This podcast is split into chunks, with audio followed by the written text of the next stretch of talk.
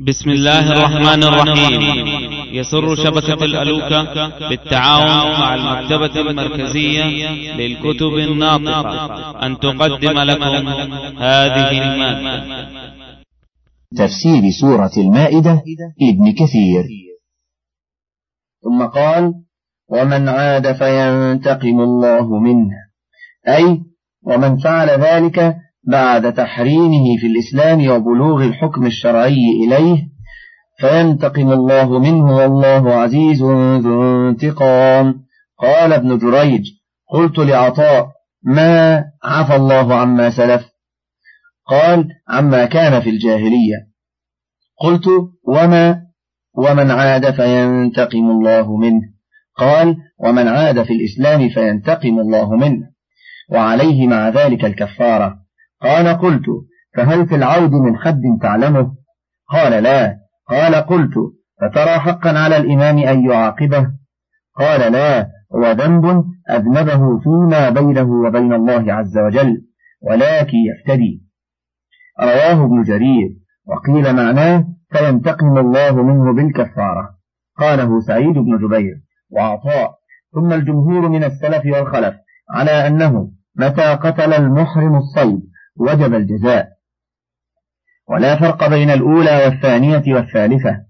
وإن تكرر ما تكرر سواء الخطأ في ذلك والعمد وقال علي بن أبي طلحة عن ابن عباس قال من قتل شيئا من الصيد خطأ وهو محرم يحكم عليه فيه كل ما قتله. فإن قتله عمدا يحكم عليه فيه مرة واحدة. فإن عاد يقال له ينتقم الله منك كما قال الله عز وجل. وقال ابن جرير حدثنا عمرو بن علي حدثنا يحيى بن سعيد وابن أبي عدي جميعا عن هشام هو ابن حسان عن عكرمة عن ابن عباس في من أصاب صيدا يحكم عليه. ثم عاد قال لا يحكم عليه ينتقم الله منه. وهكذا قال شريح ومجاهد وسعيد بن جبير والحسن البصري وإبراهيم النخعي رواهن ابن جرير. ثم اختار القول الأول وقال ابن أبي حاتم حدثنا العباس بن يزيد العبدي حدثنا المعتمر بن سليمان عن زيد بن المعلى عن الحسن البصري أن رجلا أصاب صيدا فتجوز عنه ثم عاد فأصاب صيدا آخر فنزلت نار من السماء فأحرقته. فهو قوله ومن عاد فينتقم الله منه. وقال ابن جرير في قوله والله عزيز ذو انتقام. يقول عز ذكره والله منيع في سلطانه لا يقهره قاهر ولا يمنعه من الانتقام ممن انتقم منه ولا من عقوبة من أراد عقوبته مانع. لأن الخلق خلقه والأمر أمره. له العزة والمنعة. وقوله ذو انتقام يعني أنه ذو معاقبة لمن عصاه على معصيته إياه. أحل لكم صيد البحر وطعامه متاعا لكم وللسيارة. وحرم عليكم صيد البد ما دمتم حرما. واتقوا الله الذي إليه تحشرون. جعل الله الكعبة البيت الحرام قياما للناس والشهر الحرام والهدي والشهر الحرام والهدي والقلائد.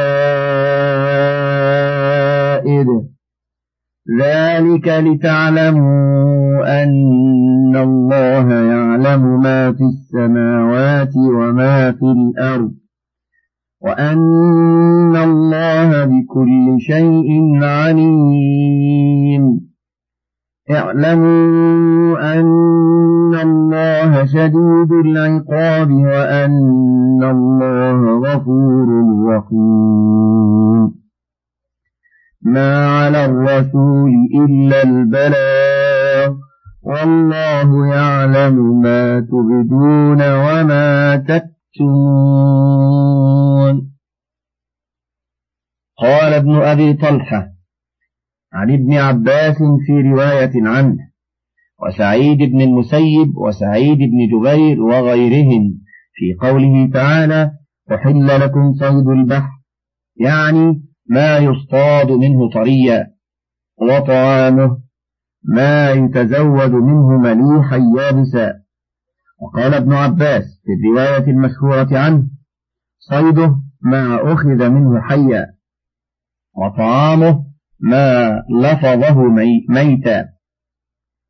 وهكذا روي عن أبي بكر الصديق وزيد بن ثابت وعبد الله بن عمرو وأبي أيوب الأنصاري رضي الله عنهم. وعكرمة وأبي سلمة بن عبد الرحمن وإبراهيم النخعي والحسن البصري. قال سفيان بن عيينة عن عمرو بن دينار عن عكرمة عن أبي بكر الصديق أنه قال طعامه كل ما فيه. رواه ابن جرير وابن أبي حاتم. وقال ابن جرير حدثنا ابن حميد حدثنا جرير عن مغيرة عن سماك قال حدثت عن ابن خطاء عن ابن عباس قال خطب أبو بكر الناس فقال أحل لكم صيد البحر وطعامه متاعا لكم وطعامه ما قذف. قال وحدثنا يعقوب حدثنا ابن علية عن سليمان التيمي عن أبي مجلز عن ابن عباس في قوله أحل لكم صيد البحر وطعامه. قال طعامه ما قذف قال عكرمة عن ابن عباس قال طعامه ما لفظ ما لفظ من ميتة. رواه ابن جرير أيضا. قال سعيد بن المسيب طعامه ما لفظه حيا أو حسر عنه فمات. رواه ابن أبي حاتم. وقال ابن جرير حدثنا ابن بشار حدثنا عبد الوهاب حدثنا أيوب عن نافع أن عبد الرحمن أن عبد الرحمن بن أبي هريرة سأل ابن عمر فقال إن البحر قد قذف حيتانا كثيرة ميتة أفنأكلها؟ فقال لا تأكلوها.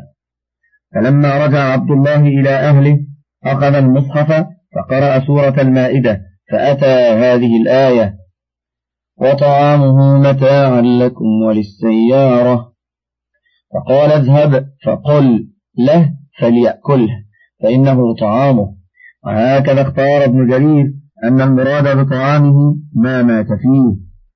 قال وقد روي في ذلك خبر وإن بعضهم يرويه موقوفا. حدثنا هناد بن السري قال حدثنا عبدة بن سليمان عن محمد ابن عمرو حدثنا أبو سلمة عن أبي هريرة قال قال رسول الله صلى الله عليه وسلم أحل لكم صيد البحر وطعامه متاعا لكم. قال طعامه ما لفظه ميتا. ثم قال وقد وقف بعضهم هذا الحديث على أبي هريرة. حدثنا هناد حدثنا ابن أبي زائدة عن محمد بن عمرو عن أبي سلمة عن أبي هريرة في قوله أحل لكم صيد البحر وطعامه. قال طعامه ما لفظه ميتا. وقوله متاعا لكم وللسيارة أي منفعة وقوتا لكم أيها المخاطبون وللسيارة وهم جمع سيار. قال أكرمة لمن كان بحضرة البحر والسفر وقال غيره الطري منه لمن يصطاده من حاضرة البحر وطعامه ما مات فيه أو اصطيد منه وملح. وقد يكون زادا للمسافرين والنائين عن البحر. وقد روي نحوه عن ابن عباس ومجاهد والسدي وغيرهم. وقد استدل الجمهور على حل ميتته بهذه الآية الكريمة وبما رواه الإمام مالك بن أنس عن ابن وهب وابن كيسان عن جابر بن عبد الله قال بعث رسول الله صلى الله عليه وسلم بعثا قبل الساحل فأمر عليهم أبا عبيدة بن الجراح وهم ثلاثمائة وأنا فيهم. قال فخرجنا حتى إذا كنا ببعض الطريق. فني الزاد فأمر أبو عبيدة بأزواج ذلك الجيش. فجمع ذلك كله. فكان مزودي تمر. قال فكان يقوتنا كل يوم قليلا قليلا حتى فني فلم يكن يصيبنا إلا تمرة تمرة. فقال فقد وجدها وجدنا فقدها حين فنيت. قال ثم انتهينا إلى البحر. فإذا حوت مثل الضرب فأكل منه ذلك الجيش ثمانية عشرة ليلة. ثم أمر أبو عبيدة بضلعين من أضلاعه فنصبا. ثم أمر براحلة فرحلت ومرت تحتهما فلم تصبهما. وهذا الحديث مخرج في الصحيحين وله طرق عن جابر وفي صحيح مسلم من رواية أبي الزبير عن جابر فإذا على ساحل البحر مثل الكثيب الضخم فأتيناه فإذا بدابة يقال لها العنبر. قال قال أبو عبيدة ميتة ثم قال لا نحن رسل رسول الله صلى الله عليه وسلم. وقد اضطررتم فكلوا. قال فأقمنا عليه شهرا ونحن ثلاثمائة حتى سمنا ولقد رأيتنا نغترف من وقب عينيه بالقلال الدهن. ويقتطع منه. ويقتطع منه القدر كالثور. قال ولقد أخذ منا أبو عبيدة ثلاثة عشر رجلا فأقعدهم في وقب عينيه. وأخذ ضلعا من أضلاعه فأقامها ثم رحل أعظم بعير معنا فمر من تحته وتزودنا من لحمه وشائق.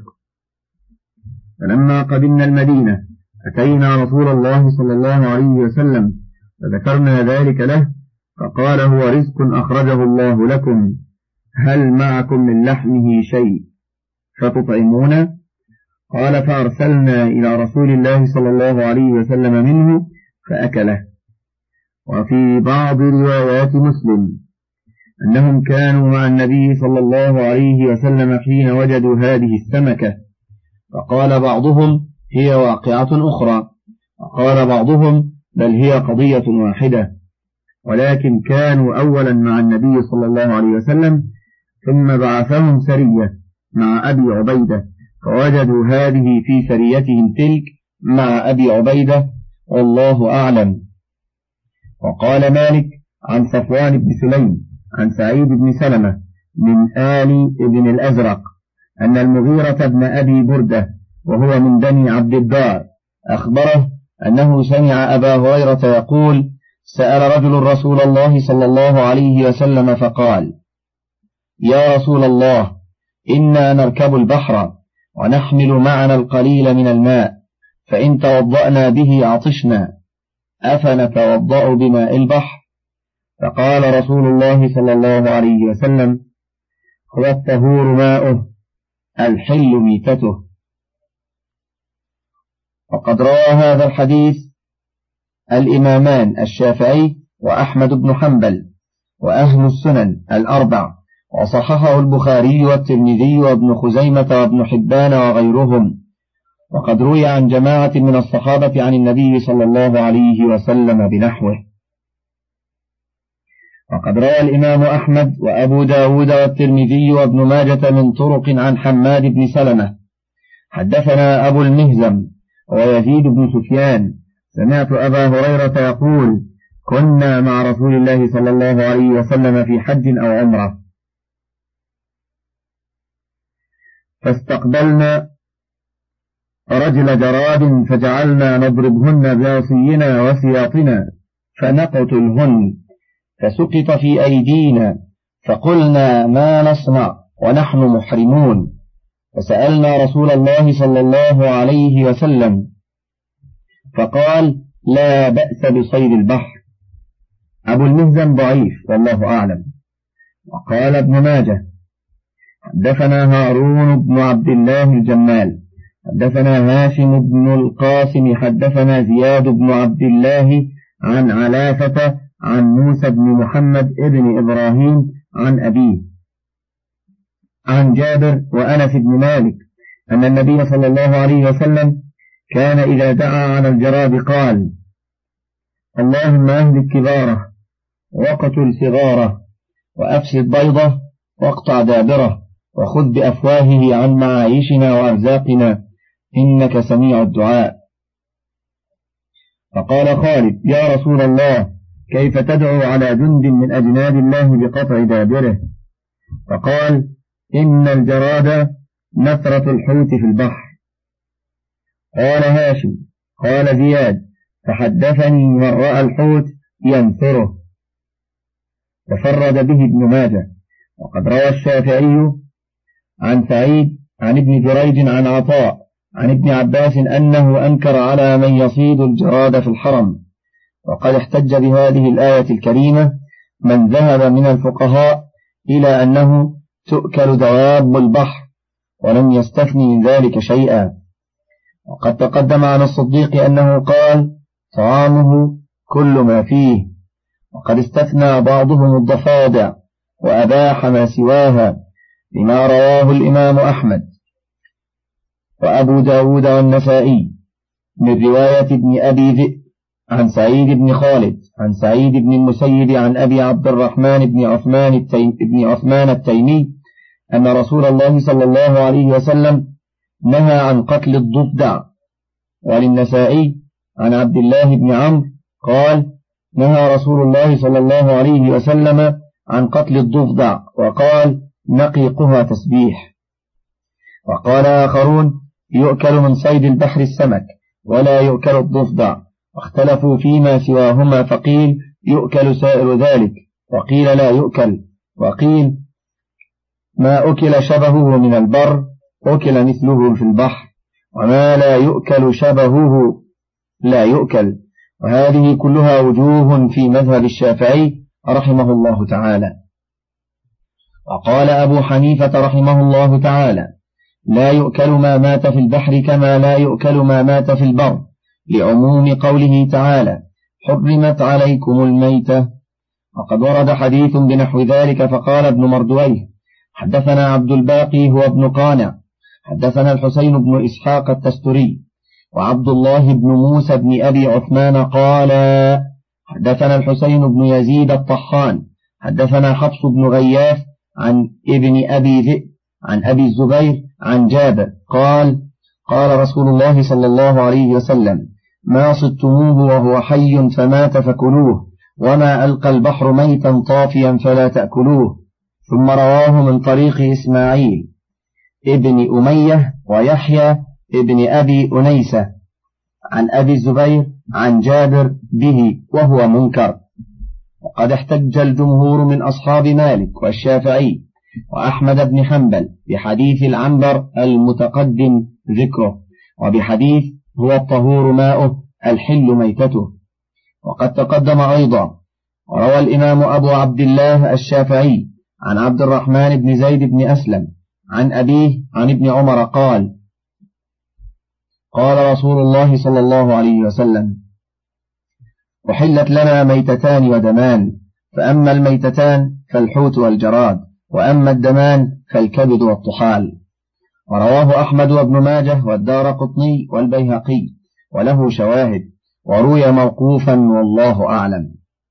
وقوله وحرم عليكم صيد البد ما دمتم حرما أي في حال إحرامكم يحرم عليكم الاصطياد ففيه دلالة على تحريم ذلك فإذا اصطاد المحرم الصيد متعمدا أثم وغرم أو مخطئا غرم وحرم عليه أكله لأنه في حقه كالميتة وكذا في حق غيره من المحرمين والمحلين عند مالك والشافعي في أحد قوليه.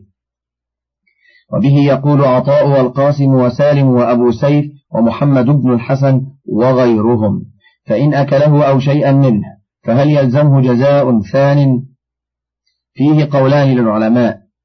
أحدهما نعم. قال عبد الرزاق عن ابن جريج عن عطاء قال إن ذبحه ثم أكله فكفارتان وإليه ذهب طائفة. والثاني لا جزاء عليه في أكله نص عليه مالك بن أنس. قال أبو عمر ابن عبد البر وعلى هذا مذاهب فقهاء الأمصار وجمهور العلماء. ثم وجهه أبو عمر بما لو وطئ ثم وطئ ثم وطئ قبل أن يحد فإنما عليه حد واحد. وقال أبو حنيفة عليه قيمة ما أكل. وقال أبو ثور إذا قتل المحرم الصيد فعليه جزاؤه. وحلال أكل ذلك الصيد إلا أنني أكرهه الذي قتله. للخبر عن رسول الله صلى الله عليه وسلم. صيد البر لكم حلال وأنتم حرم ما لم تصيدوه أو يصد لكم. وهذا الحديث سيأتي بيانه وقوله بإباحته للقاتل غريب. وأما لغيره ففيه خلاف. قد ذكرنا المنع عمن تقدم وقال آخرون بإباحته لغير القاتل سواء المحرمون والمحلون. لهذا الحديث والله أعلم. وأما إذا صاد حلال صيدا فأهداه إلى محرم. وقد ذهب ذاهبون إلى إباحته مطلقا. ولم يستفصلوا بين أن يكون قد صاده من أجله أم لا.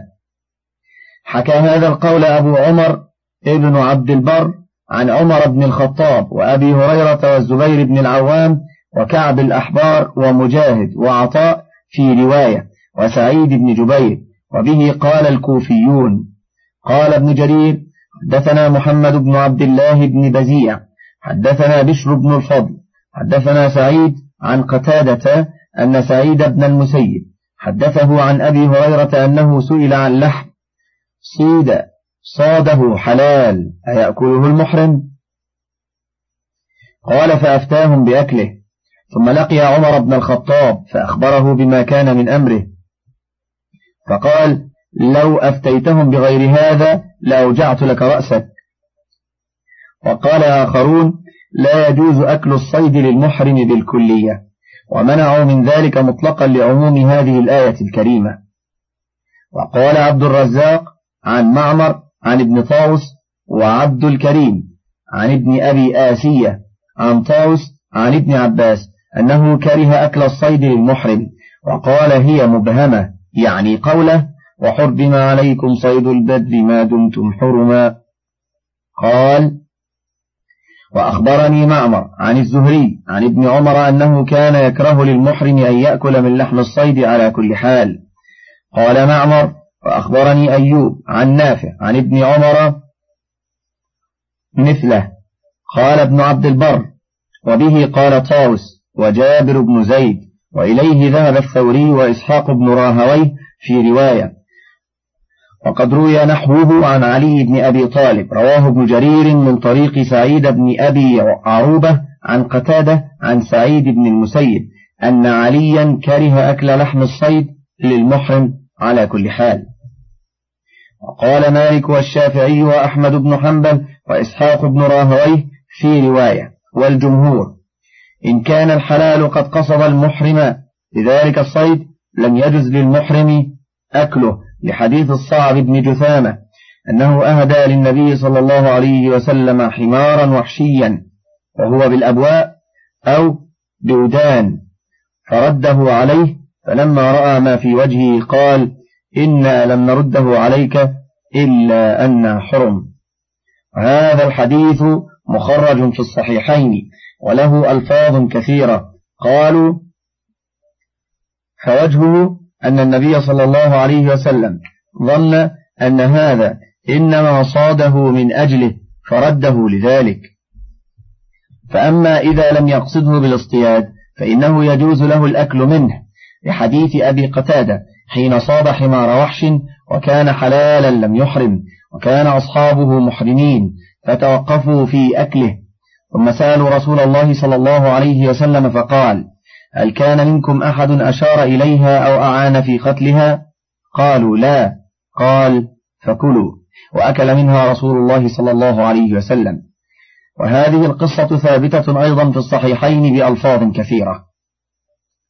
وقال الإمام أحمد حدثنا سعيد بن منصور وقتيبة بن سعيد. قال حدثنا يعقوب بن عبد الرحمن عن عمرو بن أبي عمرو عن المطلب بن عبد الله بن حنطب.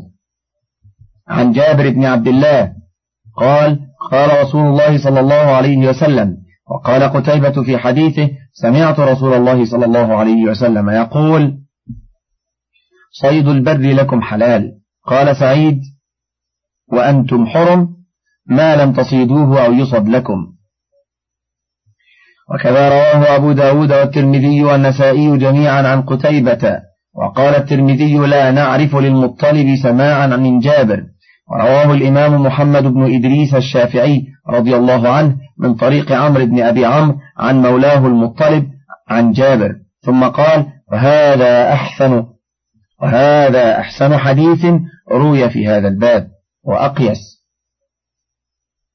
وقال مالك رضي الله عنه عن عبد الله بن أبي بكر عن عبد الله بن عامر بن ربيعة قال رأيت عثمان بن عفان بالعرج وهو محرم في يوم صائف قد غطى وجهه بقطيفة أرجوان ثم أتي بلحم صيد فقال لأصحابه قلوا فقال لأصحابه كلوا فقالوا أولا تأكل أنت؟ فقال إني لست كهيئتكم إنما صيد من أجلي. هامش. سقط من هذا الموضع تفسير الثلاث الآيات السابع والتسعين والثامنة والتسعين والتاسعة والتسعين. وترك لها بياض في النسخة المكية.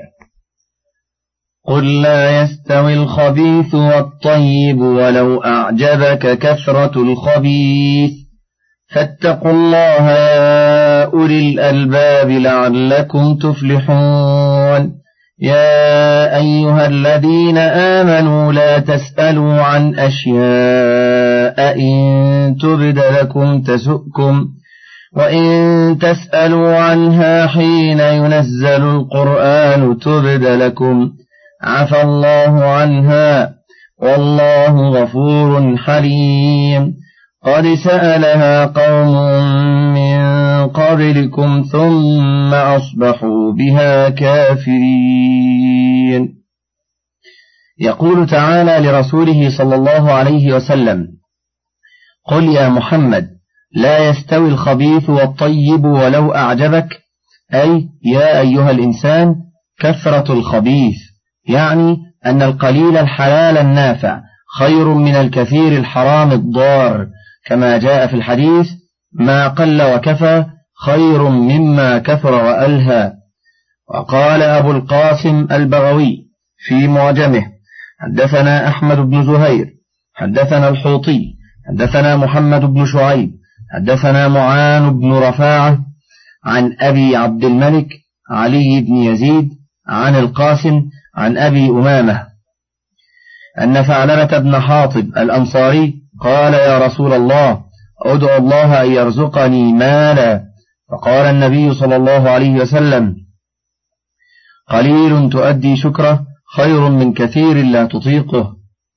فاتقوا الله يا أولي الألباب. أي يا ذوي العقول الصحيحة المستقيمة.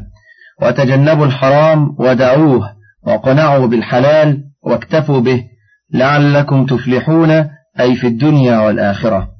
ثم قال تعالى يا أيها الذين آمنوا لا تسألوا عن أشياء إن تبد لكم تسؤكم.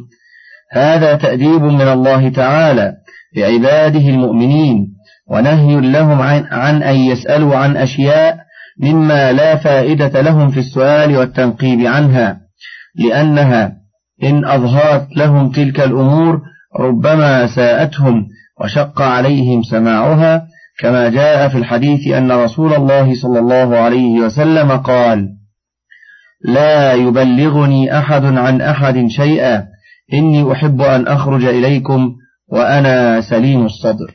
وقال البخاري حدثنا منذر بن الوليد ابن عبد الرحمن الجارودي. حدثنا أبي حدثنا شعبة عن موسى بن أنس عن أنس بن مالك. قال خطب رسول الله صلى الله عليه وسلم خطبة. ما سمعت مثلها قط. وقال فيها لو تعلموا ما أعلم لضحكتم قليلا ولبكيتم كثيرا. قال فغطى أصحاب رسول الله صلى الله عليه وسلم وجوههم لهم حنين. فقال رجل من أبي؟ قال فلان. فنزلت هذه الآية لا تسألوا عن أشياء رواه النضر وروح بن عبادة عن شعبة. وقد رواه البخاري في غير هذا الموضع ومسلم وأحمد والترمذي والنسائي من طرق عن شعبة بن الحجاج به. من فضلك تابع بقية المادة.